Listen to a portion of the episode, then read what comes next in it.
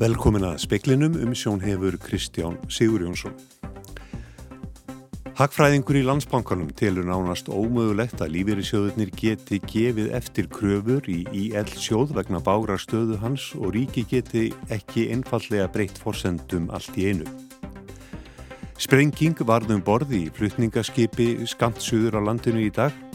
Engin slasaðist en gertir áð fyrir að varskipið Þór drægi skipið til hafnar. Tölöverð fækkun millistjórnenda landsbítalans er bóðið í breytingatillugum sem forstjórn hís kynna helbreyðisráð þeirra í næstu viku. Rishi Sunak verður næsti forsætisráð þeirra Breitlands. Hann var á endanum svo eini sem gaf kost á sér sem næsti leit og í flokksins. Gangi allt á skum við heitavasleit austan við lagarfljót gætu HEF veitur átt nægt vatn til að kynnta öll hús á seðisvili og nýr upplýsingavefur um baróttu rauðsokkurhefingarinnar var opnaður í dag á kvennafrítægi. Töluverð fækkun millistjórnanda landsbítalans er bóðið í breytingatillugum sem forstjórin hyggst kynna hilbriðisráð þeirra í næstu viku. Starsmenn spítalans talum rótækar breytingar. Runólfur Pálsson, forstjóri landsbítalans, vildi ekki tjá sig við fréttastofu rúfum draugin en segir að beði sér álits fagrás spítalans á þeim. Breytingar getu orði á draugunum að fengnu áliti fagrás. Forstjóri kynir helbriðisráð þeirra breytingarnar á fundi á mánudagin í næstu viku. Sangvænt heimildum fréttastofu snúast til útnar að miklu leitum að taka út lag milli stjórnenda sem komið var á fyrir nokkrum árum. Viðbúði er að flestir ef ekki allir framkvæmtastjórar sem eru sjö talsins og forstuð með þjónustu kjarnar sem eru tíu fái uppsagnabref. Eftir breytingarnar um áramótin verði alltaf helmingi færri í þessum stöðum. Þá stendur einnig til að samina einhverjar á klíniskum einingum spítalans. Það er þær einingar sem snúastu um með fyrir sjúklinga. Þeir starfsmenn spítalan sem fréttastofu rætt við lýsa breytinga til lónum sem er rótækum en fagna jafnframt að með þeim verði bóðulegðir stittar. Kristín Sigurðardóttir tók saman. Flutningaskipið EF-AVA verður dreyið til Hafnar í Reykjavík í nótt. Skipið rekur nú um 25 sjómílur söð-austur af Grindavík og varskipið Þór er á leðinni. Um 75 manns voru ræstur út á öðrum tímanum í dag þegar tilkynnt var um eld í flutningsskipinu EF Öfu. Í ljós komað sprenging hafði orðið í vélarúmi skipsins. Engin eldur var en mikinn reik lagði frá vélarúminu. Engin úr 13 manna áhöfn slasaðist en áhöfninni tókst sjálfrið að ná tökum á aðstæðum og reikræsta skipið. Mikið viðbrað landhelgiskeslunar og landsbjargar var því afturkallað. Tvær þyrlur landhelgiskeslunar, sjóbjörgunarsveit landsbjargar, varðskipið Þór og fimm reikkavarar frá slökkulegu höfburgarsvæðisins voru ræst út í upphafi. Áskrimur L. Áskrimsson, aðgerðastjóri landhelgiskeslunar, segir að í fyrstu hafi útkallið virst vera stórt. Já, við ættum alveg eins vona á því og viljum hérna í svona tilfellum setja alltaf fullt og, og geta akkurat gert það sem að hérna, við gerum svo að draga úr því að, að hérna, eldur um borði í skipi þú áhafnum hún kemst ekki neitt og, og það er bara þekkt að hann breyðist út mjög hrætt. Þegar áhöfnáði tökum á reiknum og ljóst var að engin eldur logaði um borð var allt viðbrað afturkalla nema varskipið Þór. Þór kemur að EF öfu um kvöldmandaleitið og verið þeirra að ræða við leigutaka skipsins, eimskip, um hvort réttast sé að toga það í land. Það myndi taka um 10 til 12 klukkustundir. Það er svona líklegast að framöndan og við teljum svona með að við, viðfærslegar annað að, að, hérna, að það myndi taka svona 10 til 12 tíma að, að draga skipi hérna til Reykjavík sagði Áskrímur L. Áskrímsson. Ottur Þorðarsson talaði við hann. Rissi Súnak verður næsti forsætis ráð þeirra Breitlands. Hann tekur formlega við ennbætti á morgun eftir að hafa farið á fund Karls konungs í fyrramálið. Hann verður þriðji forsætis ráð þeirra Breitlands til að gegna ennbættinu á innan við tveimur mánuðum eftir stuttavaldatíð Liz Truss, fráfarandi forsætis ráð þeirra, sem tók við að Boris Jónsson sem sagði af sér í sumar. Rissi Súnak býður nú það erfiðaverkefni að samina breska hjálpsflokkin og kynna nýja stjórnastefnu til að endu vinna tröst almennings. Við segjum nánar frá atbyrðarásinni í Breitlandi síðar í speklinum. Nokkrir vaskir menn fórum helgina í leiðangurinn í Glerordal ofan Akureyrar til þess að sækja rúmlega 20 eftirlegu kindur. Leiðangustjórin segir kindurnar hafa skoppað um af kæti þegar þeim var komið til bjargar. Við eftirleitir í Glerárdal í síðustu viku komi ljós að ekki hefðu allar kindur skila sér í göngum í haust. Því fór hópur manna af stað fyrir helgi þar sem fimm kindur fundust. Í þeirri ferð sást til annars hóps og því ekki annað í stöðun en að fara aðra ferð á lögadag. Sigurður Baldursson eða Siggi Bald eins og hann er jafnan kallaður var leiðangustjóri og fórum dalinn á snjósleða. Ég græði hérna þráslega með þóttur og svo voru hérna dugnað þrákar með eins að þeir, þeir þurftu að sækja rollunar yfir ána og og rekaði tölverðan spöl hérna nýri eftir yfir gíli þar sem við vorum með sleðana og komast ekki lengra. Og gekk þetta þokkalega hjá okkur? Bara eins og, eins og hægt var. Við ætlum að reyna að fara með allt einni ferði en það var bara þungt fyrir sleðana. Það þurftum að klippa í annars lægi svona, það var erfitt en, en það var alveg vandamálið var þrjú gíl á leiðinni sem við þurftum að keira upp fyrir sem var svolítið svona sjálfans. En þú er farið létt með það? Já, við græðum þetta. Hvernig leiði þeim greiðunum þessum sem þið sótuð? Það var alveg fyrðarlega spræk og þau voru komið hérna í haug hérna þegar þar sem við komum með sliðana þá, þá stukkuður hægra vinstri og strákæðina voru bara eins og indjánar hérna hlaupandi og stökku á þeir og náðu. Sagði Sigurður Baldursson, Óðinsvann Óðinsson talaði við hann. Það skýrist á næstu vikum hvort HF veitur ráðast í að búra dýra vinsluhólu eftir heitu vatni austan við lagarfljút. Gangi vassleitin vel gæti það tryggt varavatn fyrir eigilstaði og fellabæ og jafnvel yrði vatninu dælt um fyrir hugufjörðarheðagöng til seyðisfjörðar. Hef veitur eru með vinslu á jarðhittasvæðinu við urriðavatn í fellum og hefur fyrirtækið ákveð að leggja heitavatslögn út í eigða. Talið er að þetta jarðhittakerfi við urriðavatn ráði tæpast við að kinda hús á seyðisfjörði líka og er nöðsynlegt að auka vassöflun. Hefveitur hafa látið bóra nokkrar hitastígulshólur í landi Breiðavaðs og Mínes sem lofa góðu. Samkvæmt upplýsingum frá fyrirtækinu þarf að bóra einast líka hólu til viðbótar. Hún á að skera úrum hvort nægar líkur sjö á heitavatsæði jörðu sem réttlæti áhættu sama og kostnæðarsama borun á djúpri vinsluhólu. En hefur þó ekki verið ákveðið hvort ráðist verður í að leggja heitavatslaugn í fjardarheðargöng til seðisfjardar en það myndi kosta umtalsverðar fjárhæðir. Hef veitur hafa þó tekið frá pláss fyrir slíka lögn í göngunum en lokahönnun þeirra stendur nú yfir. Rúnar Snær Reynisson saði frá. Nýr upplýsingavefur um baráttur auðsokkurreyfingarinnar var opnaður í dag á kvennafrítægin. Þar er að finna yfir 30.000 orðskýringar um barátturhefingarinnar og annara kvenna fyrir auknum réttindum. Rakel Adolfsdóttir, fagstjóri Kvennasögu SAPS, segir mjög áhugavert að sjá hvað hefur áunnist síðust áratví en líka það sem ekki hefur náðst þrátt fyrir áratuga baráttu virkilega spennandi og þart. Ég er nýlega segja hvað var þetta þegar ég var í mentarskóla, sagði ykkur við mig og ég segi það sama, þannig að við, við þetta er svona ákveðin gjöf líka að færa svona frumskjöl og, og upplýsingar í almanna rými svo fólk getur vita meira um þessa miklu baróttu sem var ég á 8. áratökunum. Þú ert eh, hluti af ungu kíslóðin í dag, skilur þessa konun á þessum tíma? Ég skil þar já, ég skil þar mjög vel og ég er þakklátt fyrir þeirra störf sem ég veit að var ekkert alltaf auðveld. Eh, það er líka áverð að sjá satt í þessu hvað, hvað hefur náðust, hvað hefur ekki náðust og hvað er líka bara alls ekki minnst á sem við erum kannski börjast fyrir í dag. Segir Rakel Adolfsdóttir. Arnar Björnsson talaði við hana.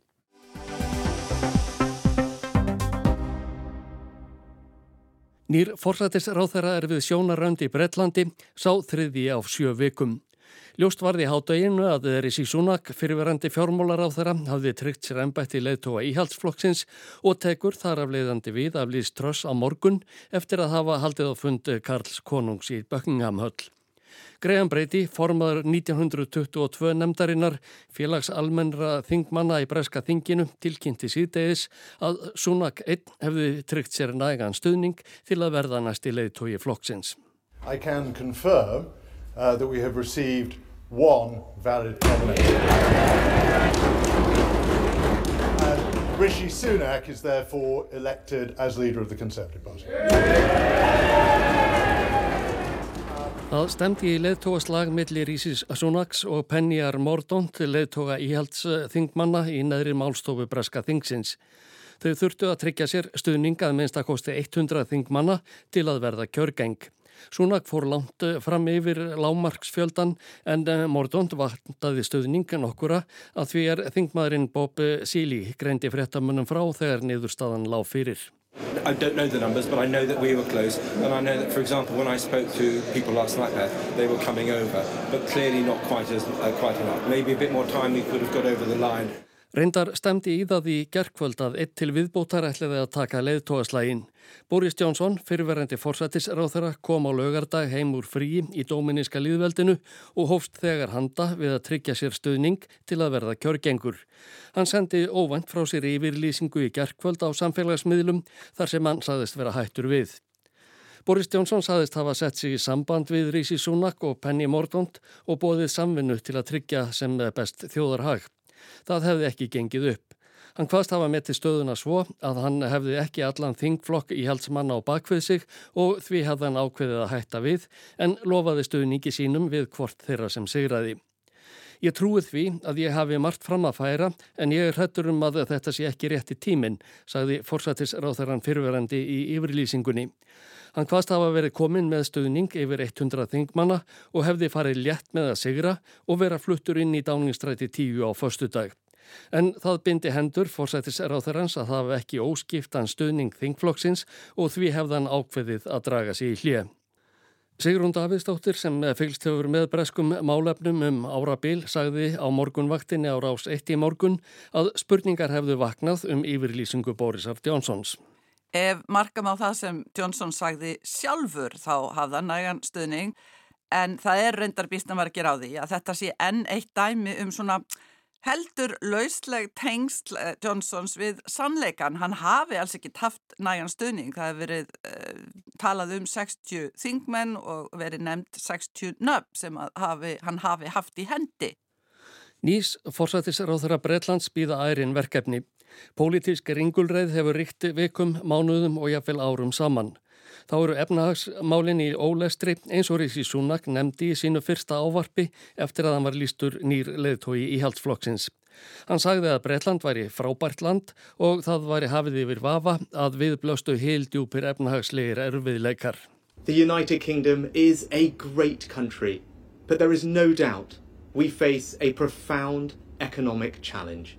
We now need stability and unity, and I will make it my utmost priority to bring our party and our country together.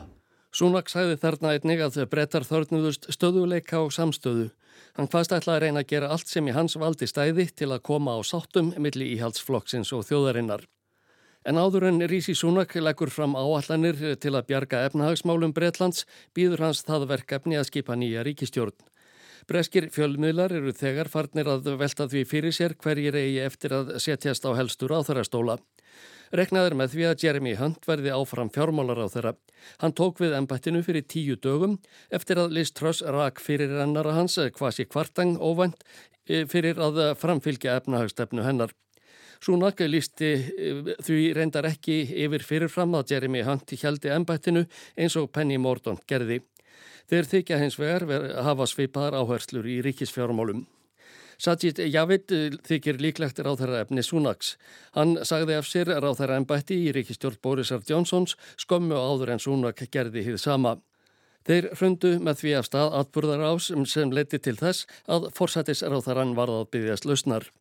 Sajid Javid er fyrirverandi fjármálaráðherra og var í eina tíð yfirmaður Súnaks í fjármálaráðinitinu. Hann stutti reyndar Liz Truss í leðtóakjörunni í sumar en stjórnmæla skýrendur telja að reynsla hans vegi þingra þegar að því kemur að velja ráð þeirra í nýja ríkistjórn. Mögulegt er talið að hann reppi innan ríkisráðunettið. Einnig er talað um að Grant Shapps sem líklegan innan ríkisráð þeirra. Hann tók við því ennbætti í síðustu viku þegar Suella Braverman sagði af sér. Líklegt þykir að Ben Wallace haldi ennbætti varnarmálar á þeirra. Hann hefur gengt því frá sumurinu 2019 í ríkistjórnum Borisar Johnsons og Liz Truss. Þá gera breskir fjölmiðlar því skóna að Dominic Raab verði aðstóðar forsættisir á þeirra. Hann hefur lengi verið pólitískur samherri í Rísis Sunaks og kom honum til varnar í sumar þegar Sunak var sakaður um að hafa svikið Boris Johnson. Þá er Jeremy Hunt eh, sagður vera mögulegur aðstóðar fórsættis ráþara ef hann heldur ekki fjármálaráðunetinu. Rísi Súnak er 42 ára. Fara þarf 239 ár aftur í tíman til að finna yngri þjóðarleðtoga í Breitlandi. William Pitt yngri tók þá við ennbættinu 24 ára að aldri og var reyndar einnig fjármálar á þeirra. Súnakar fættur í Breitlandi en á ættir að reykja til Indlands. Þar er því fagnað að maður af asískum ættum sé að taka við ennbætti forsættis ráþara Breitlands í fyrsta sinn. Honum bárust í dag heitla óskir frá Narendra Móti, forsættisráþara Indlands, sem hvaðst vonast eh, til nánari samvinnu breyta og indverja á alþjóða vettvangi. Honum þótti einnig sérstakt fagnaðarefni að Risi Súnak skildi verða leiðtói íhaldsflokksins á Dívala, ljósaháttíð hindúa. Ásker Tómasson saði frá.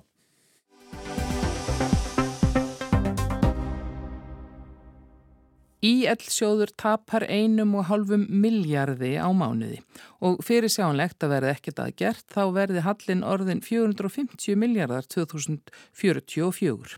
Bjarni Bendiktsson fjármálaráþra sagði í síðustu viku að nöðsynlegt væri að horfast í augu við vandan strax og láta hann ekki halda áfram að vaksa. Þrent væri í stöðunni Í fyrsta lega gera ekkert og halda áfram að leggja sjóðunum til fjármunni fram til 2044 og þar telur Bjarnan gengi veri lengra en ábyrð ríkisjóðs á skuldum í eldgæfi tilum til.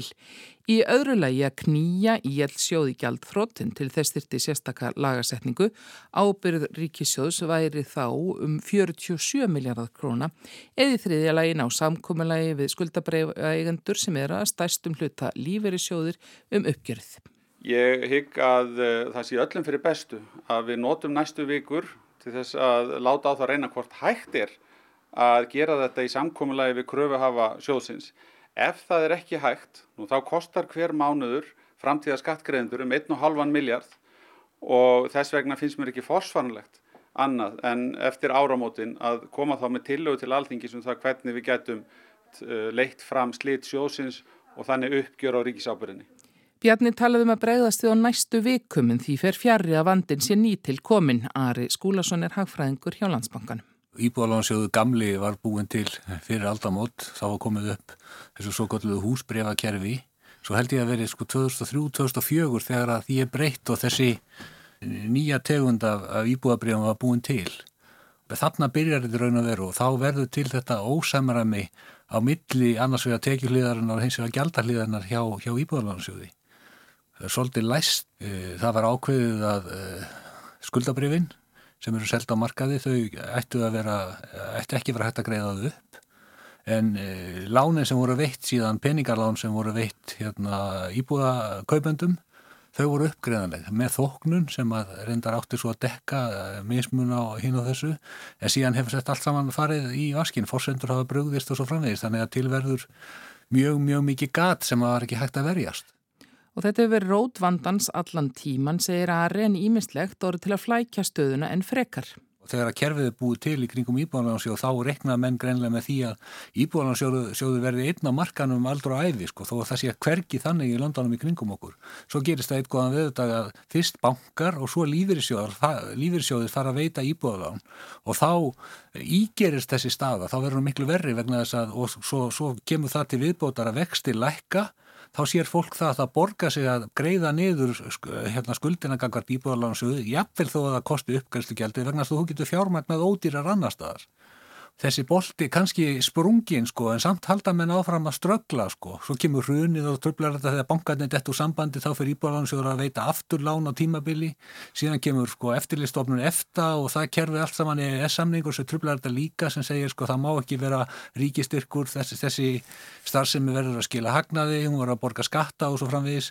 Þannig að þetta hefur allt saman verið svona frekar öfugt öll þessi saga, öll þessi ár og, bara, og síðan hefur bara voruð til stærri og stærri vandamál Ekki var það til að draga úr vandanum að þegar fekk kom inn í íbúðalánasjóðin vegna uppgræðisla þá gatt hann ekki borgað sín lán en veitti til dæmis fjeðaláni til annara lánastofna sem voru komnar í samkeppni við hann. Já, já, þetta er bara svona dæmi um, um hvernig þetta er búið að vera allan tíman. Þetta hefur svona allt saman gengið sjónum í, í óhagi raun og veru vegna þess að það var bara kannski ramt að fara það staði upphafi. Tilgangur með íelsjóði var bara aðgreinast í vennulega starfsemi íbúðalansjóðs frá þessu, þessari hít sem að var þarna sem að var farin að taka mikið pláss. Sko núna náttúrulega er, er ráþæran búin að leggja fram hugmyndur um hvernig á það á að fara með þetta, hvernig er þetta lámarka eiginlega tap ríkisins eða kostnaði ríkisins að þessu og þær tillögur eru svona mismunandi hérna aðlaðandi, erðum að segja. Við svo sem eh, erum vönd því í, í, í viðskiptalífi að, að sko, það takast á plúsar og mínusar sko, það er gerðið samningar á milli aðila og stundum hallar á einn og stundum hallar á hinn.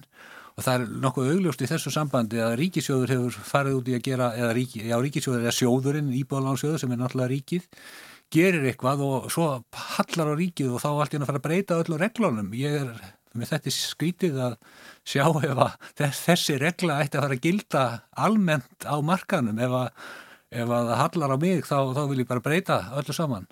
Staðan sem blasir við núna er marg bóðuð, Ari bendir á um 20 ár, sé síðan þetta mátti verða ljóst og þegar tala sé um að COVID hafi tæfið fyrir viðbröðum þá sé það bara tvö ár. En hvernig líst honum á kostina þrjá sem fjármálar á þar nefnir? Í eðlilegu viðskiptalífi þá kæmi bara kostur eitt til greina bara að sitja í súbunni og klára málið sko, þú ert bara að tapa þessu og þannig er það. Hitt sko að ná samkomulega við lífyrirsjóðuna er, er mjög erfitt vegna þess að lífyrirsjóðunir er ekki nefnir samlýstöðu til þess að gera neitt. Sko það er alveg þetta að benda á það að fjármálaráðandið sem stendur í þessu núna er svona gæslu aðili sjóðana og fjármálaráðandið segir við sjóðuna því að vinna vel því að fjárfesta vel í góðum egnum og, og passi ykkur og svo framvegis og núna í þessu tilviki hafa sjóðunni kift góðar egnir sem er náttúrulega vonda skuldi fyrir íbúðalansjóð. Þetta eru góðar, langir pappirar. E, þetta eru sko lang tíma fjárfestar, þólimóðir og þeir gera þetta með þessum hætti og þetta er algjörlega til fyrirmyndar að öllu leiti, líka áleiti fjármálaræðandisins og núna allt í einu vil fjármálaræðandið breyta stöðinu og semja við lífeyrisjóðunum um það að lífeyrisjóðunum er að segja við þann sem bara fara á ellilífeyri. Heyrðu, sko, við vorum búin að segja þér að við eigum svo góða regnir að þú fær þetta mikið lífeyri en núna kemur sko fjármálandur og segir Heyrðu, nei, þetta er ekki svona, sko, við ætlum að skemma þessar regnir fyrir þér, þannig ég þarf að skerða lífeyriðin það er náttúrulega sko staða sem að lífeyrisjóðu get ekki staðið í sko, er bara, þetta er einhvern sko, er, er í raun og veru. 47 miljardar lausnin sé einungislaust fyrir ríkisjóð og engan annan. Sé gengið á rétt lífeyri sjóðana, segir Ari sem eiga um 80% af kröfum í sjóðin, sé gengið á hagsmunni almennings. Sko, þeir eru vantarlega mis, með mismikla egnir í þessu en, en þetta eru náttúrulega mjög góðar egnir og fyrir sjóði sem að hérna, þurfa að haga sig þannig að taka ekki mikla áhættu og vera með jaft tekjustreymi til þess að geta tryggt lífeyri, þá eru þetta eignir sem að sko hafa verið fyrirmyndar eignir til þessa, bestu eignir sem hægt er að hugsa sér. Og, og þær eru hugsaði til langs tíma. Þú átt kannski skuldabref sem er á góðum vöxtum sem á að döga í 20 ári viðbót og nú, og nú er stendur til að eftir 2 ár þá að stoppa það tekjustreymi og þú færði eitthvað annað í staðin sem er miklu miklu síðra það er bara mjög erði staða og, og mjög einhlið að fara að breyta því og hagsmjörnir eru náttúrulega algjörlega öðrum einn Ráðurinn er talað um að það er að fara af stað og kanna leiðir eða, eða samninga hvort það sé mögulegt að ná einhverju fram þá bara núna strax á næstu vikum eða fram að eiginlega byðlundin ekki nema fram að áramótum. Hvað finnst þér um þann umþóttunum tíma? Það hann er bara, ég svo sem er alltaf að hafa umþóttunum tíma vegna þess að mér finnst sko uh, málið vera svona talsvert augljós sko. Það er eiginlega útilokað fyrir lífeyrissjóðuna sem á lífeyrissjóðunir eru náttúrulega bara við, fólkið í landinu það er eiginlega, eh, sko, held ég næstu því útlokað að lífriðsjóðinni geti, geti gefið þetta eftir að sé verið að breyta reglónum með þessum hætti vegna þess að ríkisjóðu gerði einhver mistök á sínu tíma. Það er náttúrulega hérna, búið að segja fólki, það fær hver og eitt sko yfirlið tvissar á ári, hvað áttu mikið lífriðsjætt, hvað færðu mikið í lífrið þegar þú eru 67 ára og hvað færðu mikið í lífrið þegar þú eru 70 ára og ætlar að býða. Þetta er náttúrulega gert eftir bestu vitund og bestu aðferðum og svo allt í henni að fara í mörgum tilvikum að hafa verulega mikil áhrif á þetta reknaði með sko, að þess að ég þekki dæmin alveg nákvæmlega. Sagði Ari Skúlason, Anna Kristín Jónsdóttir talaði við hann. Ört hækkandi vextir leika nú sænska húsnæðis eigendur grátt. Skuldi landsmanna eru með því mesta sem þekkist í Evrópu en það voru vextir lengi afar lágir. Haldi þeir áfram að hækka gætu um hálf miljón landsmanna neðist til að flytja. Það blæs ekki byrlega fyrir sænskum efnag þessi miserinn. Verðbólga er nær 10%, svo mesta í 30 ár. Sænska krónan hefur hríðfallið í verði og efnags samdrætti spáð á næsta ári. Laun lækka að raunverði því launahækkanir eru miklu minni en verðhækkanir á nöðsynum eins og mat og ramagni. En þó eru það ört hækkandi vextir sem valda fólki kannski mestum vandræðum. Stýrivextir hér í Svíþjóð eru nú 1,75% eftir að hafa verið 0 eða mínus hálft prósent undan farin 8 ár. Síðast hækkuðu þeir um heilt prósentustig sem var mesta hækkun stýrivaksta í þrjá áratugji. Um leið varaði sænski seðlabankastjórin við því að vextir kunni að hækka enn meira á næstunni. Þetta er nokkur viðbriði fyrir svíja sem hafa vanist nokkuð lágum vöxtum af íbúðarlánum, oft kannski um 1% óverðtryggðum vöxtum. Vextinnir eru nú oft í kringum 3,5 til 4% og viðbúið að þeir hækki enn. Meira en helmingur landsmanna hér í Svíþjóð á það húsnæði sem hann býr í. Þegar afborganir markfaldast getur þetta fólk lend í vandræðum en það sama gildir reyndar líka um leyendur því að herri vextir geta leitt til herra leiguverðs. Og svo er líka almenn dýrtíð. Raforkuverð hefur markvaldast. Fyrir mánuðinum tilkynnti til dæmis leigufyrirtækið Vallenstam að raforkuverð til leyenda myndi hækka úr 40 aurum á kilowattstund í þrjár krónur eða um 650%. Leyandi sem Göteborgsposten rætti við gerir ráð fyrir að raforkureikningurinn fari úr jafnfyrirði 5.000 íslenskra króna á mánuði í svona 25.000. Það eru heldur ekki bara húsnæðislánin sem eru há. Svíjar eru ansi skuldsettir almennt. Skuldir fólks hafa aukist jamt og þjett undanfarna áratugi og nefna nú um 180% af ráðstöfunartekjum, nokkur neginn tvöfalt það sem þær voru fyrir 30 árum. Skuldir svíja eru þannig talsvert hærri með við tekjur en skuldir Íslandinga. Einstaklingar á Íslandi skulda um 155% af ráðstöfunartekjum og þykir þó mikill. Ef kostnæður vegna lána heldur áfram að hækka hér í Svíþjóð, gætu um hálf miljón landsmanna neðst til að flytja heimili sitt, samkvæmt könnun sænska ríkisjónvarpsins og Novus. Þriðji hver íbúi í Svíþjóð hefur nú þegar dreyið úr neyslu sinni til að geta staðið undir hækkandi lántökukostnaði. Flest hækkar nema launin.